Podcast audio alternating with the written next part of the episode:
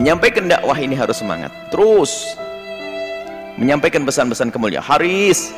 Dan ini dalam bahasa dakwah yang sering kami sampaikan termasuk dalam prinsip dakwah itu fahami bahasanya semua orang yang ada di kiri kanan kita ini adalah lapangan pahala. Kemudian harus kita sadari kalau kita semua merindukan pahala. Kalau memang betul kita merindukan pahala maka rindu yang sesungguhnya. Seperti orang kalau pebisnis atau sales itu lihat kalau ngeliat orang perlente itu bajunya necis dan sebagainya kelihatannya punya uang biarpun sebenarnya banyak utangnya. Cuman sebelum tahu utangnya banyak dianggap dia punya duit banyak dan dia punya barang dagangan. Didatangi wah dia menjelaskan tentang produknya. Ber, wah, bermenit-menit.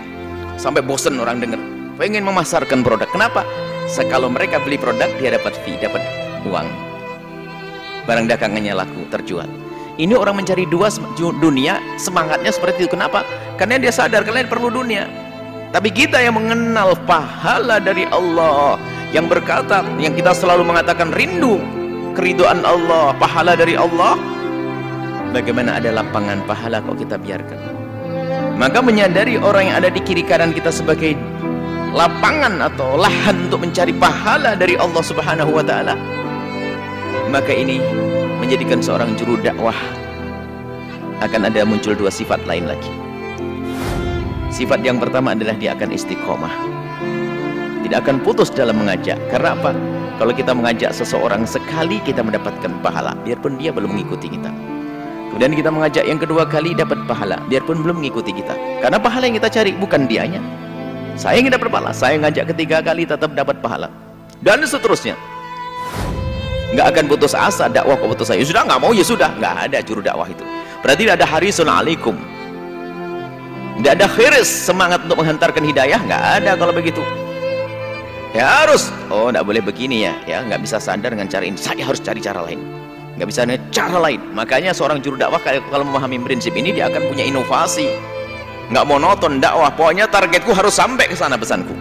Ah pokoknya harus nyampe. Nah, ini harisun punya semangat. Alaikum yang pertama, kalau sudah memahami saudara-saudara kita ini adalah lapangan pahala, lahan untuk mendapatkan pahala dan keridhaan Allah, maka kita akan istiqomah. Nggak akan putus berdakwah, nggak akan capek. Bahkan dia sadar semakin kurang ajar jamaahnya misalnya orangnya tidak nerima, semakin gede pahalanya dari Allah. Nggak pernah putus asa. Ya Allah, aku dipukul, aku dicaci, tapi nggak sampai sampai saat aku berdarah seperti baginda Nabi. Semakin capek pahalaku justru semakin gede nggak pernah berkeluh kesah di saat diundang di pucuk gunung sana. Harus jalan kaki jalan jalan kaki jalannya licin berlumpur dan naik turun.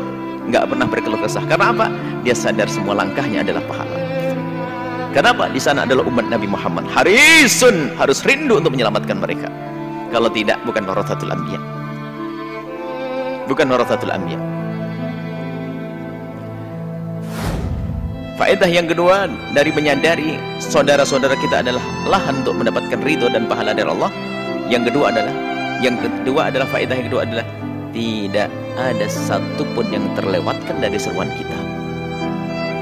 Ada orang bersemangat menyeru yang ada jauh di sana, tapi pembantunya tidak mendapatkan seruan. Orang dekatnya tidak mendapatkan seruan. Semangat ke sana kemari, tapi di kiri kanannya tidak apakah di kiri kanannya tidak bisa mengundang pahala? Nah ini karena keyakinannya yang salah. Pembantu kita akan menjadi sebab kita mendapatkan pahala yang punya pembantu. Pegawai kita lahan pahala juga. Makanya jangan sampai hanya mempekerjakan orang tapi bagaimana mengajak mereka untuk bisa sujud? Dekat kepada Allah. Kita sudah mendapatkan bantuan dari mereka di samping di sisi, di samping di sisi itu juga di samping itu juga kita mendapatkan pahala dari Allah dan semakin semangat berjuang sehingga kalau tidak tidak ada orang lewat di hadapannya kecuali harus dapatkan suruhan dakwah. Lihat sehingga menjadi orang alim yang cerdas. Seorang juru dakwah yang cerdas. Sehingga melihat apa yang harus saya lakukan. Demi dakwah ini nyampe. Menekuni apa pun yang bermanfaat. Ini adalah kayak Imam Imam Ghazali sangat cerdas. Sehingga apa pun sarana dan prasarana untuk menyampaikan pesan kebenaran akan diambil Karena apa? Tujuannya adalah untuk umat. Sehingga kalau juru dakwah dengan memahami makna ini, harisun alaikum dari berapa dari hirs. dia akan berusaha dan berusaha untuk menyampaikan pesan kebenaran dengan bermacam-macam cara maka akan muncul inovasi-inovasi dakwah dan sarana pun tidak terbatas dengan kalau selama ini yang namanya menyampaikan pesan kemuliaan kan dahulu adalah di surau ngaji sorokan di atas meja dakwah. Sekarang ada media dan seterusnya. Semua yang di situ ada perkumpulan manusia. Harus ada kerinduan kita untuk menyampaikan pesan-pesan Allah dan Rasulnya kepada mereka. Sedangkan dari harisun. Harisun alaikum. Nggak boleh ada yang tersisa sedikit pun. Jangan lihat gerombolan perkumpulan seseorang kecuali terlintas dalam hati. Ya Allah mudahkan aku sampai kepada mereka untuk menyampaikan pesan kebenaran. Ya Allah apa pun ini juru dakwah.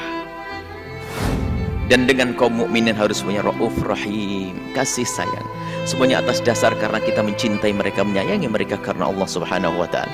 Yang tidak punya kasih sayang kepada sesama umat Nabi Muhammad maka Allah pun tidak berkasih sayang kepada mereka. Rauf sifatnya Nabi. Rahim sifatnya Nabi maka sifat ini harus diambil oleh penerus-penerus baginda Nabi Shallallahu Alaihi Wasallam. Mutiara Hikmah ini dipersembahkan oleh Radio Go Inspirasi Spirit Hati